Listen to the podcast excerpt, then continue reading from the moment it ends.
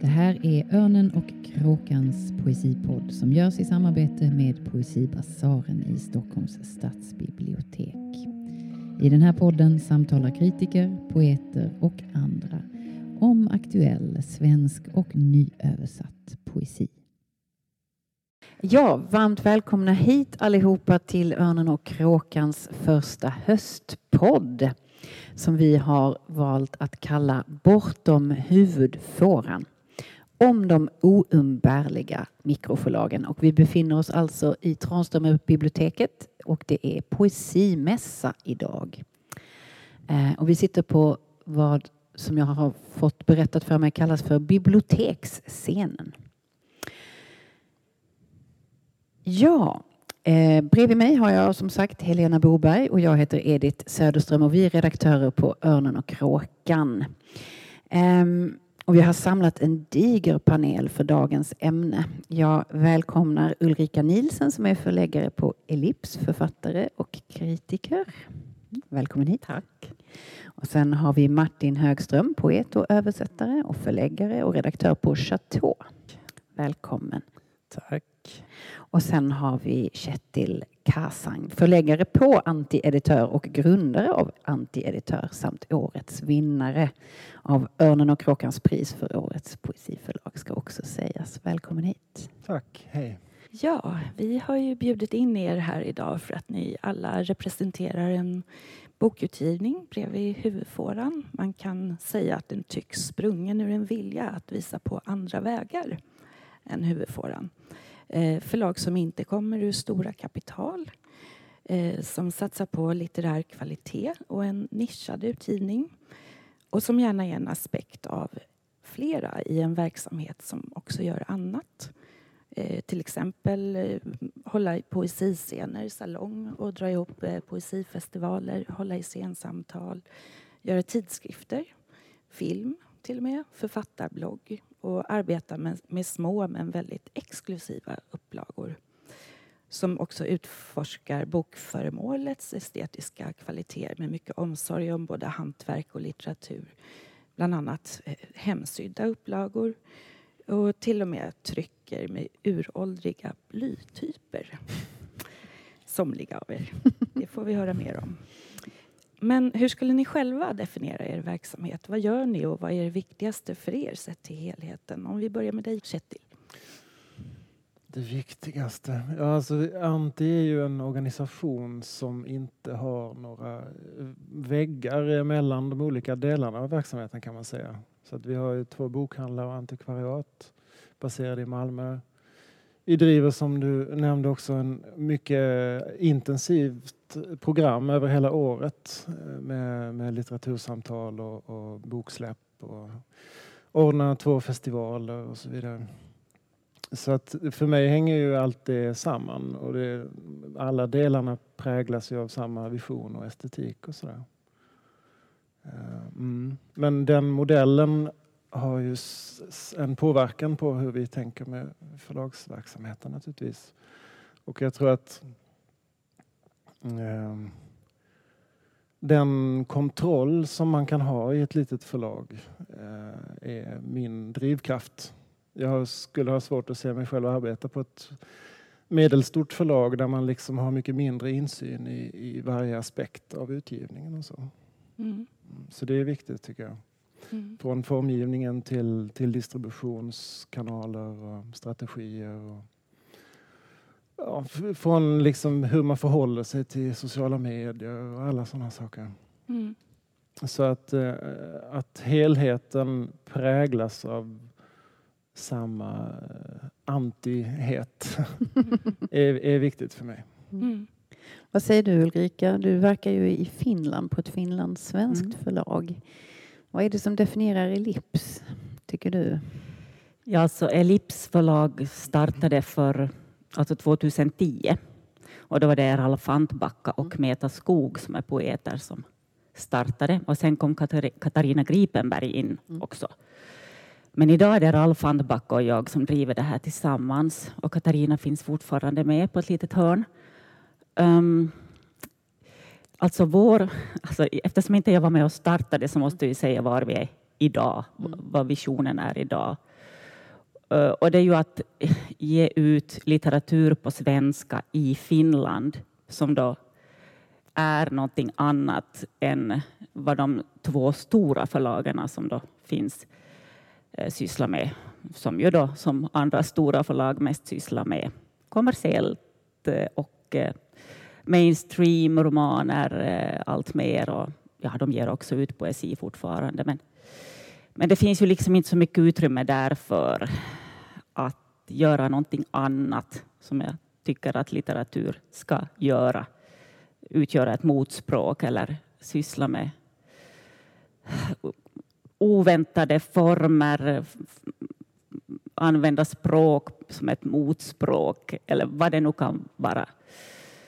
Um, och I vårt lilla finlandssvenska sammanhang så är vi de, det enda förlaget som har den här profilen. Det finns andra små förlag också. Men att bara liksom ägna sig åt poesi och essayistik och genretänjande former så är vi ensamma om på svenska i Finland. Och det har gjort att vi kanske på ett, på ett annat sätt har kunnat bli en sån här vad ska, vad ska man säga, vi har verkligen etablerat oss efter de här 10-12 åren som ett förlag som, som man följer med, som får, våra böcker får recensioner i lika hög grad som de stora förlagens recensioner. De blir uppmärksammade mer och mer, skulle jag säga. Och det är ju väldigt roligt. Mm. Att i ett sådant litet sammanhang så blir det kanske tydligare också att man faktiskt gör som litet förlag någon slags, att man gör någonting som betyder. Eh, medan i Sverige där det finns så många små förlag så kanske varje enskild förlag, varje enskilt inte får eh, den här, alla de här recensionerna och så här. Men sammantaget, om man lägger ihop allt, eh, så blir det ju en väldig betydelse för ett lands litterära ekosystem. Ja, jätteintressant. Hur skulle du, Martin, om du pratar om ditt eget förlag, vad är... Uh, jag tror att startat det och driver det tillsammans med Beata Berggren och Peter Törneby som också är poeter. Och jag tror att när vi startade så, och fortfarande är det väldigt mycket, ska man säga, en, en verksamhet som ligger väldigt nära poetens praktik på många sätt och kanske framförallt poesiläsarens. Vi läser poesi och diskuterar och i olika situation, hamnar i olika situationer där vi kanske tar kontakt med någon poet eller översätter någon och börjar så att säga publicera det, sprida det till andra läsare. Eh, det är, det är det som är utgångspunkten och det är så vi förhåller oss till det hela tror jag. Vi, det är ganska naturligt. Man är en läsare och en skrivare och vi fortsätter att jobba med andra poeters arbeten på det sättet. Sen kan man ju säga, det nämndes det här, den här uråldriga tekniken ja. från kanske 1960-talet när vi sätter med bly och trycker med boktryckpress. Vi har en sån press i vår förlagslokal. Det är ju också en intressant, så att säga, ett, eh, ska kalla det för, slags eh, läge där man jobba med en annan poets arbete, en dikt som man ska sätta i bly och trycka. Då går man in och man hamnar i ett läge där man så att säga skriver den dikten i bly. Det är väldigt fysiskt, det är en väldigt fysisk erfarenhet. Så de här, eh, ska vi kalla det för, praktikerna att läsa och skriva återigen eh, sammanfaller, går ihop på olika sätt. Där, där står väl vi. Sen gör vi inte bara sånt, men det är utgångspunkten ganska mycket. Vi läser och skriver och delar med oss. Som ett pågående samtal? Ja, i grund och botten faktiskt. Sen är det intressant med mångfaldigandet och, och det här. Liksom, och man väl sätter igång hur man förhåller sig till distribution och man får hitta en skala, det är avgörande för oss. Och i vårt fall en ganska liten skala. Men det, det är liksom Kjetil talade om någon, någon helhet, någonting som, och det, för oss är det väldigt mycket en skala vi måste förhålla oss till hela tiden. Hur, hur stor upplaga kan vi göra? Hur kan distributionen se ut? Hur många sidor kan vi sätta i bly och så vidare? Det här blir väldigt, så att säga, ska vi kalla det för definierande men också tvingande på olika sätt. Den ekonomiska begränsningen eller avsaknaden av medel är våra medel, så att säga. Eh, och utifrån det operera. Sen har det varit avgörande om man ska säga ett ord till om så att säga vi opererar i princip helt utan ekonomiskt stöd och det är väldigt viktigt för oss att vi talade om det lite innan Kjetil och jag, liksom att inte börja i den ändan att se kan man få pengar och sen göra något. Det, skulle vara, det är fullkomligt främmande för oss att tänka så och dessutom tror jag det är väldigt avgörande som poet men också som eh, liten förläggare av poesi att inte be om lov så att säga. Att inte fråga någon om lov. Får vi göra det här?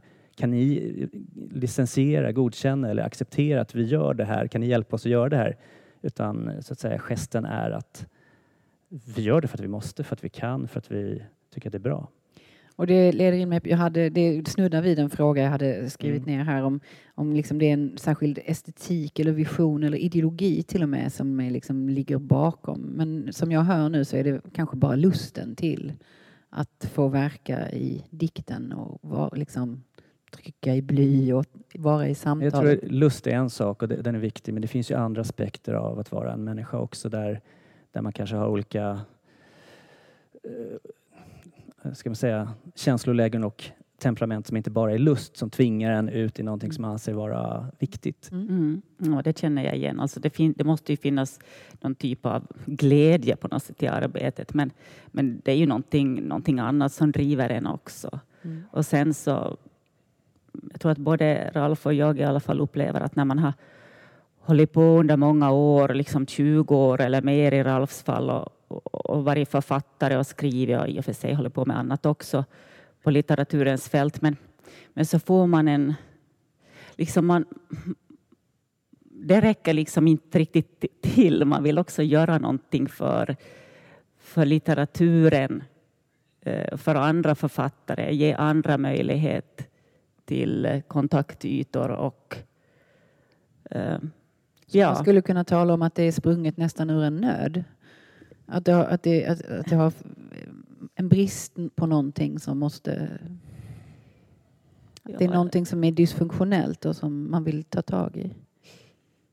Ja, helt enkelt eh, helt enkelt vidga synen på vad, vad skrivande är. Lite som, eh, som du är inne på också. Att jag, för, för, för mig i alla fall så har det här förläggande blivit också en del av en slags ett sätt att vara, liksom, att hålla på med de här texterna. Det kan vara mina egna texter när jag skriver en bok, men det är liksom lika viktigt och lika ska säga, eh, ta mig i anspråk liksom, lika mycket när jag sysslar med, med de här texterna som andra har skrivit och som, och som kanske inte ens är riktigt förlösta. De, är ju inte, de behöver ofta bearbetas. Man, vi jobbar mycket med författarna och texterna och på ett ganska djupgående sätt som jag misstänker är ganska ovanligt på stora förlag. Mm. Att man verkligen har många långa intensiva samtal om vad det här är för en text och vart den vill och hur man ska liksom förlossa den så att säga. Medan vissa texter förstås är, kommer in färdiga. Liksom. Det är inte så mycket att göra åt saken annat än att förlägga det. Ja, jag håller med. Om, om det redaktionella arbetet är ju hjärtat i förlagsverksamheten mm. såklart. Men jag bara tänkte på det som Martin sa och jag är stolt över att för Antis del så var det också väldigt viktigt att vi inte började med en ansökan. Liksom. Därför att jag tror att det är ganska viktigt för litteraturen i allmänhet att inte vara preskriptiv. Vilket den ju lätt blir om man ska marknadsföra något i ett särskilt fack eller med ett särskilt tema. Eh, och de här begränsningarna som ju mest är ekonomiska såklart så är de ju liksom alla begränsningar i alla konstformer en, en kreativ katalysator såklart. Men jag tror att Antis första eh, lilla eh, handgjorda serie som det tjatas så mycket om, taktilitet och sånt där, bryr jag mig inte så mycket om egentligen. Men men eh, att de här DIY-formaten är ju ett slags genreskapande också i liten skala. Det gäller ju också till exempel för Chateaus eh, tidskrifter och så vidare. Mm. Plötsligt så finns det en tidskrift som är, eh, som är två blad eller plötsligt finns det en diktsamling som är Och det är, det är det som är ett stort bidrag. Och det kommer ju direkt ur, eh, kanske inte en brist precis, snarare, snarare ett överskott. Det är en lyxprodukt på sätt och vis. Liksom. Ja, nu är du inne på hur ni började lite grann. Alltså jag undrar, var det som en naturlig utveckling av en verksamhet som redan fanns eller var det ett manus som ni kände att det här måste komma ut? Eller började ni med en idé och sen letade upp någonting att ge ut? För vår del så har vi nästan enbart arbetat med att mer eller mindre kommissionera texter. Alltså jag har ju knappt tagit emot något eh, spontanmanus än så länge. Utan det var liksom formatet som dikterade. Jag bad om en text som skulle passa i det här. Och sen så byggdes det ut till en vacker serie där liksom Leif Holmstrands eh, recept för eh, hämndperformance ligger precis intill David Zimmermans eh, klärobskyra lyrik. Liksom. Men allting var kommissionerat. Mm. Men eh, förlåt, jag ska inte ta upp för mycket tid. Men det, det har ju också med distributionen att göra. Att det var den enda möjligheten för oss att eh, börja med sådana små saker. Och via våra evenemang och så vidare så hade vi ju nått ganska mycket bransch och hade en liten slags kungsväg till att ändå få ett mm. par, tre recensioner. Liksom. Mm. Så att jag tror att det är ganska viktigt också att man, att man inte börjar med att försöka föresätta sig att agera som ett stort förlag. Mm. För då, då, blir man säkert snart bitter. Därför att det är helt enkelt omöjligt. Det är sant. Det är sant. Mm. När du är inne på ordet distribution och så. Eh, en aspekt av det här är ju ändå att ni bygger communities och det, det är salonger och läsningar och så. Finns det en risk att det liksom stannar inom den gruppen eller är det kanske inget ett problem i sig utan eftersträvansvärt? Vad tänker ni? Mm. Hur är det för er i Finland?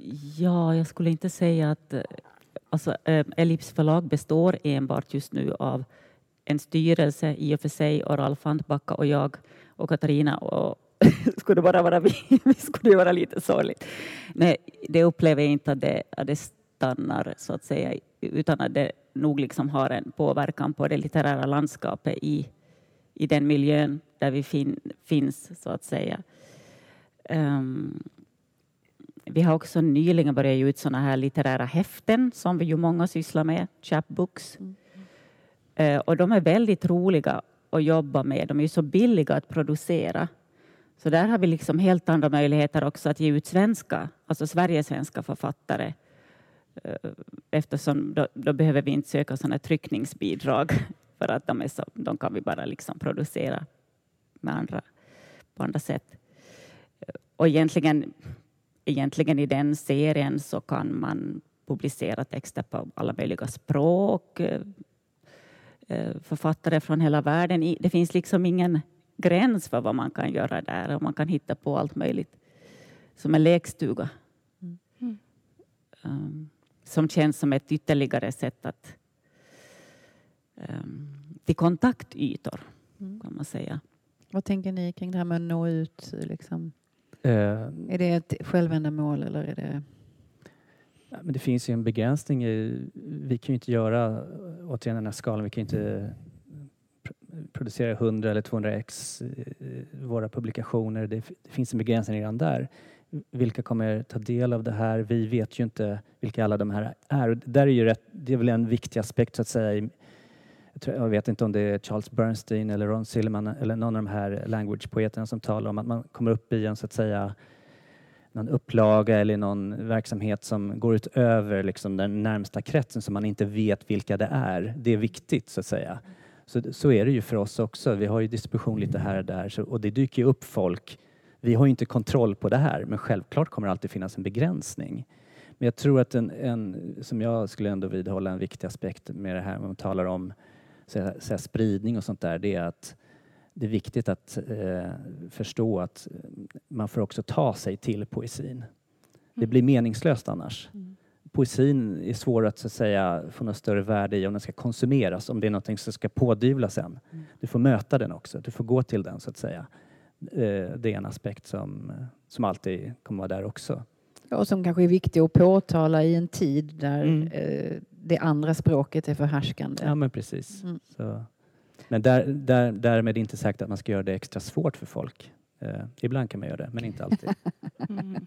Men litenheten är inget självändamål i alla fall.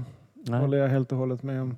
För oss är det också viktigt att ha, även om man har lite punkig stil så vill man ju kanske till och med i första hand att böckerna ska finnas på bibliotek och att Mm. någon gymnasieelev ska ramla över en bok som är helt oväntad för dem och så vidare. Så Man vill ju skapa en förutsättningslöshet och då är det läsaren man tänker på. Mm. Så att någon slags obskyr eh, skivsamlarkänsla tycker jag eh, helt enkelt hör inte riktigt hemma. För då, då handlar det om någonting annat. Men det det är bara flicka, jag vill också betona det. Just, och, och där är en, en brist hos oss att vi skulle ju gärna se att våra publikationer fanns i större utsträckning på biblioteken. Att det fanns en sån spridning. Liksom. Men det är ju kopplat till, så att så här, till efterhandsstöd och sånt där via Kulturrådet och vi åtnjuter inte den typen av stöd för att vi opererar i en annan skala. Så det blir väldigt svårt för oss. Och där kan jag bara säga att rent så här, kulturpolitiskt har jag lite förslag liksom på att i- i- jag, jag ser framför mig ett möjligt så att säga ett möjligt utgivningsstöd eh, från sig Kulturrådet till väldigt småskalig verksamhet som kanske skulle påminna lite om eh, säg Författarfondens eh, arbetsstipendier men till mindre förlag. Eh, så att den lilla verksamheten hela tiden kunde få ett stöd också. Och det skulle, mitt förslag skulle, i det skulle ligga att, eh, att det villkoras på så sätt att om man skalar upp sin verksamhet för mycket, då går det förlorat. Mm. Det ska vara knutet till en, en, eh, liten verksamhet. Mm. Varför inte? Intressant. Mm. Ja, de stora förlagen har ju många gräddfiler. Liksom. i- Mm. De har det ekonomiska kapitalet Mm. på sin sida som inte bara möjliggör en massa olika anställda med specialiserade uppgifter och, Mm. utan också eh, mediekoncerner som ligger bakom som äger i ägandeförhållanden som dessutom äger bokhandlar och, eh, och, och, och därmed liksom tjänar, som tjänar pengar på att era böcker säljs där. De tjänar pengar på sina egna böcker, de tjänar pengar på era böcker. Men eh, vad, hur tänker ni om den aspekten? Vi har varit inne mycket på olika former av motstånd. Jag, eh, eh, eh, alltså när det kommer till recensioner och anmälningar i dagspress och sånt så tycker det, det är snarare en förpliktelse som förläggaren har gentemot författaren tycker jag. Alltså det är klart att det funkar ju fortfarande så att får man uppmärksamhet i DN så hittar ju många nya människor till vad man håller på med. Men i huvudsak så är det nog för författarna att man måste kunna visa eh, författaren som man publicerar att man har gjort allt för att de ska få uppmärksamhet. Och eh, nu eftersom jag fick ett pris igår så ska jag förhäva mig lite och säga att det är inte nödvändigtvis så att redaktörskapet är bättre på ett stort förlag alltid. Liksom. Utan det finns ju också en, eh, en noggrannhet och stringens hos oss små förlag. Liksom. Däremot så behåller ju de större förlagen sin maktposition just genom direktkanalerna till dagspressen och till tv-program och så. Ja, vad jag förstår så är det många folkbibliotek som numera köper in sina böcker från nätbokhandeln också, Mm. faktiskt. Mm. Mm. Men det känns ju lite som ändå som mikroförlagens styrka det här med det initierade samarbetet med författaren och tiden. Man kan, du talar om Mm. tiden, man kan tala om en text. Ja, man sitter ju aldrig och funderar att nu är arbetsdagen slut. Liksom, men man kan ju hålla på hela kvällen och jag liksom, alltså du vet, alltså det, det är verkligen leta sig in i hela ens livsform på något sätt, de här texterna, böckerna. Och de det måste ju i med. sig vara en, någonting som lockar en en poet att få arbeta på det sättet. Så Ja, det blir ju på, något, på det sättet utmanar ni ju de stora underifrån då. Jo, jo, vi kan ju ge någonting som, som de inte kan ge. Nej. De kan ge någonting som vi inte kan ge. Men, men eh, alltså vi har också etablerade författare som söker sig till oss då och då. Till exempel Matilda Södergran som har gett ut flera poesisamlingar på Kils och Söderströms men som valde att ge ut sin senaste en liten kort roman hos oss. Och jag vet ju inte vad hon hade för tankar om det. Kanske hon tänkte att det var en lite annorlunda bok än hon brukar ge ut eller, eller så. Men bara som exempel, liksom att man kan märka att författare ibland kommer till oss för att få, jag vet inte vad man ska kalla det, för att bli sedda på, på, på, ett, annat, på ett annat sätt. För att bli sedda för vad de har att komma med och, och, inte för vad man eventuellt skulle kunna göra av den här texten mm. för att pressa lite mera, liksom, ja, nå flera läsare och så vidare. Mm. ja, och som författardrivet förlag, det måste ju ja, jättefint ja. samarbete och så. Jag gav själv ut ett par böcker på Ellips före jag själv började jobba på Ellips. Det var faktiskt så som när, när Ralf Antbacka startade det här förlaget 2010 tillsammans med Meta Skog så hörde han av sig till mig och frågade om jag har någonting som jag skulle kunna tänka mig att ge ut så här på sidan om för att de måste helt enkelt få in lite texter. Alltså mm. man måste ju börja någonstans. Mm. Eh, och det här är ju länge sedan men jag kommer ihåg hur underbart det kändes liksom att få att någon beställer mm. att någon beställer en, en sån här liksom, typ dikter eller mm. att någon vill ha det så där de efterfrågar. Mm. Och sen hur det togs om hand. Så. Men nu när vi är inne på litteraturen, har ni någonting mer som ni har gett ut på era förlag och läsa upp kanske? Ja. Kjetil påminner mig precis här innan så jag mm. rafsade ihop lite också. Ja. Får vi höra Martin? Mm. Är det jag som börjar? Du kan börja. Mm. Alltså, det blir väldigt kort. Ja, det går bra. Oj, ta mig glasögonen och se om det...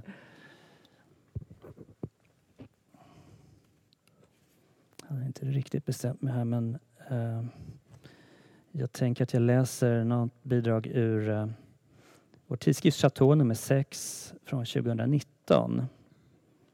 Mm. Uh, som ni vet så är poesi nyheter som förblir nyheter. Mm. Uh, jag läser ur, uh, väldigt kort ur den norska poeten Gunnar Berges nya pascalianska övningar i översättning av Beata Berggren. Får det bli. Mm. Övning 1. Det som sker är inte det som sker. Övning 2. Hon vet det så väl, men hon vet inte hur. Övning 3. De läser samma bok. Det är inte samma bok de läser. Övning 4. Han anstränger sig för att kunna anstränga sig mer. Det har ingen betydelse, men det har betydelse. Övning 5. Utan att känna varandra kände de varandra. Övning 6. Det är helt sant, men det är inte bara sant. Vi har sett det förut, men där har vi inte sett det förut. Jag avbryter där, det får bli ett utdrag. Mm. mm. Spännande. Mm. Tack. Kjetil, vill du läsa någonting från Antti, editör? Ja, jag kan läsa, det blir jättelångt i jämförelse då, men eh, ehm, Ursula Anker Olsson, en dansk eh, diktare, mycket framstående och inflytelserik. Hennes senaste bok Mitt smyckeskrin. eh, Jonas Rasmussen har översatt. Nominerades till Nordiska rådets litteraturpris i fjol och eh, utkommer nästa vecka. Ekonomin fungerar bara för att den rör sig genom kanaler som redan i förväg finns i människan. Bygger ut en existerande infrastruktur. Den kommer bygga ut denna infrastruktur tills ingenting finns kvar mellan vägarna i vägnätet och allt är kanal. Det är inte möjligt att bygga ett gottgörande distributionssystem som inte också distribuerar dålighet, som inte också distribuerar ingenting. God mat, gott gift, god kärlek, gott hat, god njutning, god smärta. Dålig mat, dåligt gift, dålig kärlek, dåligt hat, dålig njutning, dålig smärta. Ingen mat, inget gift, ingen kärlek, inget hat, ingen njutning, ingen smärta, ingenting. Tack. Ulrika, Ja, har du något från Jo. För ett par år sedan så gav vi ut två böcker samtidigt av en författare som heter Johanna Boholm. Eh, Och en är en poetisk roman som heter Papp, alltså pappa, det är dialektalt ibland här. Och en långdikt som heter Inna. De är ett slags syskon, men de var inte så nära att man kunde sätta dem i samma bok, så då blev det två olika. Jag tänkte läsa början ur den här långdikten som heter Inna.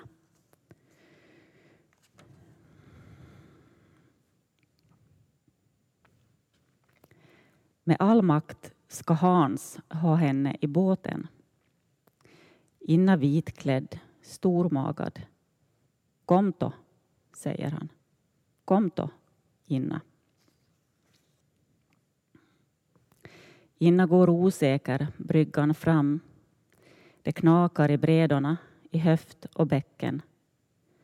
Jag känner hennes puls, hennes ilande anda, handen över magen. Hans, säger hon och står kvar på bryggkanten. Hans sitter startklar, otålig, med handen på snurran. Hopp då, säger han. Och Inna hoppar, halkar över kanten, faller vit. I stumma bruna gölen sjunker hon. Hans, skriker jag, ofödd i Innas vithet. Hans. Hans drar Inna upp och hon klutvåt skäms. Förlåt, Hans, viskar hon. Förlåt mig. Han startar snurran och rycker iväg. Han ser inte på Inna, hennes blöta vita klänning och skakande kropp. Inna kväljs och rapar och vatten kommer ur henne i en vid spya, gölbrun, ljum. Inna, kvider jag. Inna, inna. Tig, ropar Hans ut mot blåsten, vida, krusiga fjärden. Inna stryker magen mig. Tyst viskar hon och kniper blodet still. Tyst viskar hon, svallar hon, krampar hon och håller inälvorna vid liv, hennes egna och mina små. Mina gelväck hjärtslag, tarmar. Oj. Tack. Eh, nu tänker jag ju också på att du skriver ju själv och det gör ju du också Martin. Och jag vet inte hur det är med Kjetil lite grann kanske? Eller Jag skriver filmmanus till Mm. exempel. Mm. Hur är det att kombinera rollen som kreativ och sen vara liksom en slags föräldrafigur åt andra och förlösa deras skrivande? Är det någonting som berikar? Det misstänker jag när jag kastar ut frågan i alla fall. Mm, ja, alltså det... Alltså jag, jag tycker att det berikar varandra så att säga ömsesidigt, om nu det är rätt ord, berikar. Men alltså det... Det ena påverkar ju det andra på något sätt. Jag tycker jag ser på ett annat sätt på mina egna texter efter att jag har börjat jobba med andras texter så här nära och intensivt. Ehm, och det är klart att om man skriver själv skönlitterärt så, så, så kan man ju liksom leva sig in i också vad, vad den här författaren befinner sig kanske, vad det är för problem eller vad, jag, jag tror att det, att det liksom är en fördel men sa- samtidigt så tenderar det ju bara kanske att ellips lite, lite väl tar över. Liksom. Mm. Eh, att man skulle behöva strukturera upp det och så här, nu, nu får jag inte liksom jobba med den här det här manuset idag utan hålla på med. Det är liksom lätt att man slinkar in i ellips för att det är på ett sätt lättare inom Ja, citat att slippa det vita liksom bladet. Vad tänker du Martin? Nej, men det är som jag sa förut, det är, liksom naturligt på något sätt att, eh, och roligt och en ynnest att få ar, eh, arbeta med och förlägga andra poeters arbeten. Eh, att vara i det lite närmare som en intensiv läsare. Och om det dessutom, vi talade förut om det här med att kanske beställa arbeten eller texter av folk och det är väldigt spännande att vara med i processen att sen en utlösande faktor till att någonting skrivs och sen fördela det. Jag vet inte, för- för mig är det, det känns som en del av eh, poetens praktik på ett naturligt sätt. Eh, jag tror att jag förhåller mig väldigt starkt till mycket fransk poesi också, fransk poesi från de senaste 50, år, 50 åren eller sånt där och där, där är det ju kanske överdriver lite grann men att det är varje, varje poet med någon slags självaktning eh, driver också en tidskrift eller ett litet förlag. Liksom. Det, det är liksom, Mm. Man jobbar med varandra, skapar utrymmen för varandra och för sånt man tycker är bra. det är liksom naturligt att vilja dela med sig av det. Det får mig oanmält att tänka på det här med liksom den internationella förlagsscenen, Mm. andra mikroförlag. Finns det kontaktytor, nätverk eller lever man i sin nationella bubbla? För, det, för oss är det jätteviktigt och har varit viktigt från början. Alltså, många små så att säga, agenter på olika håll och, och, runt om i, i vårt fall, framförallt kanske Frankrike, Norge, eller Danmark eller USA, Kanada och sådär. Det, det, det har varit, även om det inte är hur många som helst så är det väldigt viktigt att man knyter an till varandra och delar erfarenheter och, och inte blir isolerad i något något så att säga en, en, en väldigt isolerad liten nod i Stockholm. Det hade ju varit ganska konstigt och tråkigt. Men hur ser det ut rent praktiskt? Jag ser det inte framför mig. Är det liksom på internet eller är det i IRL? Vi har Eller? gjort samarbeten. Vi har ju också en festival som vi har arrangerat ett par gånger och vi bjudit in också förläggare men också har vi gjort samarbete med åtminstone ett franskt förlag där vi liksom producerar i Frankrike och i Sverige, ger ut i båda länder och, och ett norskt förlag också för den delen. Så nej, det är nog ganska handgripligt egentligen. I vårt fall vill vi ju gärna träffas liksom och, och köper en tågbiljett till någon och eh, sådär. Det har varit viktigt för oss från början att det liksom är någonting vi kan använda våra pengar till så är det köpa papper och köpa tågbiljetter. Mm. Mm. Liksom. Men då har det funnits hos dig från början en, en god kunskap om de här eh, Det är inte så svårt. Man, man läser böcker och sen så tycker man att en bok är bra så kan man ju ta kontakt med eh, förläggaren eller med poeten. Eh, så, ja. Mm. Vad säger du Kjetil, har ni också mycket kontakter utanför? Mot Danmark till exempel eller? Ja, fast är andra aspekter av vår verksamhet ju såklart med, Mm. med eh, arrangemang och så vidare. Däremot så har ju förlaget, eller jag privat sen jag var tonåring och sådär, massa influenser liksom och gamla Alltså sätt att se på utgivning som en slags intervention som jag har idoliserat Sylvia Lottringar och semiotext när jag var tonåring och sådär. Liksom. Mm. Men jag skulle hellre vilja svara på den här förra. Ja, det ska du få. Mm. Eh, men jag är dock lite nervös för att jag en gång har varit redaktör för Helena Boberg. Jag vet inte om hon är nöjd med mig. Som, men men eh, jag tror att det, det, det, är ju ett ganska, det krävs ett stort förtroende om man ska få lov att eh, rota i strukturen i någon annans text. Och, utöver den rena liksom, korrekturläsningen och så.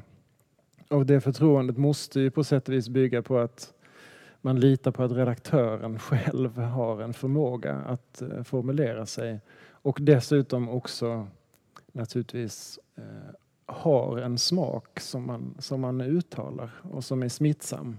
Så att eh, om inte eh, förlagets böcker är förlagsspecifika så tror jag det är ganska oattraktivt för en författare att vända sig till en redaktör om, de, om man liksom backar ut ur bilden helt och hållet och inte har någon egen röst eller nå- någonting som man själv skulle vilja ha skrivit. Alltså. Mm.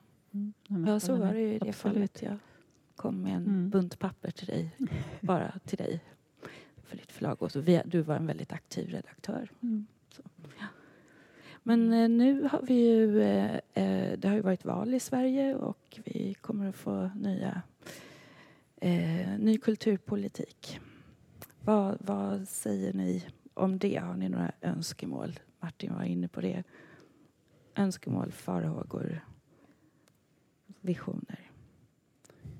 Alltså, jag, tror ju, jag, jag, tror på sätt och vis att vi har, och inte bara vi utan många har förberett sig på det under en längre tid, att man, man får hitta sätt att arbeta eh, som är så att säga där man inte är helt och hållet beroende av eh, de pengar som kan tilldelas. Även om det är superviktigt såklart med alla typer av stödsystem för litteraturen så, så finns det en verklighet där det inte alltid kommer att eh, vara självklart. Och som det ser ut nu så är det högst osäkert när vi har en, ett eh, högerextremt parti som eh, liksom eh, är det största i det blocket som bildar underlag för regering. Det är, det är liksom en högst eh, olycklig situation. Och, men om vi så att säga fortsätter att arbeta tillsammans i, i små eller stora nätverk och noder runt om i inte bara Sverige utan internationellt så kommer vi så att säga, kunna fortsätta vara en kraft att räkna med på olika sätt. Och i, i bästa fall naturligtvis komma till en punkt där också, där också samhällets funktioner på olika sätt kan finansiera eh, litteraturen på rätt sätt. Men menar, det, det är hemskt det som sker. Vi är relativt förberedda. Eh, jag, har sett, vi har vänner i Frankrike som har gått igenom en liknande så att säga situation och resonerar och kanske har vi lärt oss lite av dem och hur de har resonerat för att försöka bli oberoende men ändå inte liksom idealisera ett, ett liksom tillstånd där det inte finns några pengar till kulturen för det är inte det det handlar om. Nej. Det. Vad tänker ni andra? Nej, men alltså, ja, nej, men jag håller med om det. Jag menar, alltså, man, man, har ju länge varit förberedd på att någonting är på väg liksom käpprakt, så att säga. Inte bara hos oss, utan i hela västvärlden och överallt. Alltså jag menar, det är ju, man, man, är på något sätt mentalt förberedd på att man, man måste liksom man måste jobba på något slags underjordiskt, man måste gräva sina gångar på något sätt, sina nätverk. Alltså, eh, jag är inte liksom orolig liksom för typ kvalitetslitteraturens eller konstens framtid på det sättet. Eh, den, den kommer ju att hitta sina vägar, men ja, man måste, man måste staka fram dem helt enkelt aktivt. Det går inte bara att luta sig tillbaka. Liksom. Jag vill bara lägga till där, liksom, för att jag tror också att det, det, sker bra saker och har gjort under en tid i, i Sverige på den här fronten vad gäller mindre förlag. Det känns som det kommer fler och fler mindre förlag, mikroförlag, eh, halvsmå och så vidare. Och det är ju, tänker jag, en, en eh, effekt av resultat av det som vi har talat om tidigare. Att det kanske, vi kan inte bara lämna över förläggande till några få stora, liksom, ska vi kalla det för officiella eh, marknadsledare. Mm. Det är redan så att säga tillräckligt, eh, eh tillräckligt eh, begränsande och förtryckande på många sätt. Så det vi ser nu är bara en andra fas av det hela och det känns som att x antal olika småförläggare och poeter är lite redo på det här och försöker ta saken i egna händer i viss mån. Mm. Så det finns mycket positivt som sker. Mm. Det ser vi på Poesimässan mm. också. Ja, det var ju kloka ord att avsluta podden med, tänker jag. Um, klockan tickar nämligen. Mm. Kunnat prata länge. Det är väldigt intressant. Mm. Eh, tack för att ni ville komma. Mm. Kjetil Kasang på Anti-editör, Martin Högström på Chateau och Ulrika Nielsen på Ellips. Och välkomna att lyssna på det här avsnittet igen. Publiken ska också ha stort tack. Ehm, på www.ornenochkrakan.se eller där poddar finns en gång i veckan klockan 07.00 på onsdagar lägger vi ut en längre poesirecension en gång i månaden byts det ut mot en podd som det här samtalet. Man kan prenumerera på nyhetsbrev. Och eh, ja, det var det för den här gången. Ja, tack så mycket alla som kom och lyssnade. Tack, tack. tack. tack. Mm.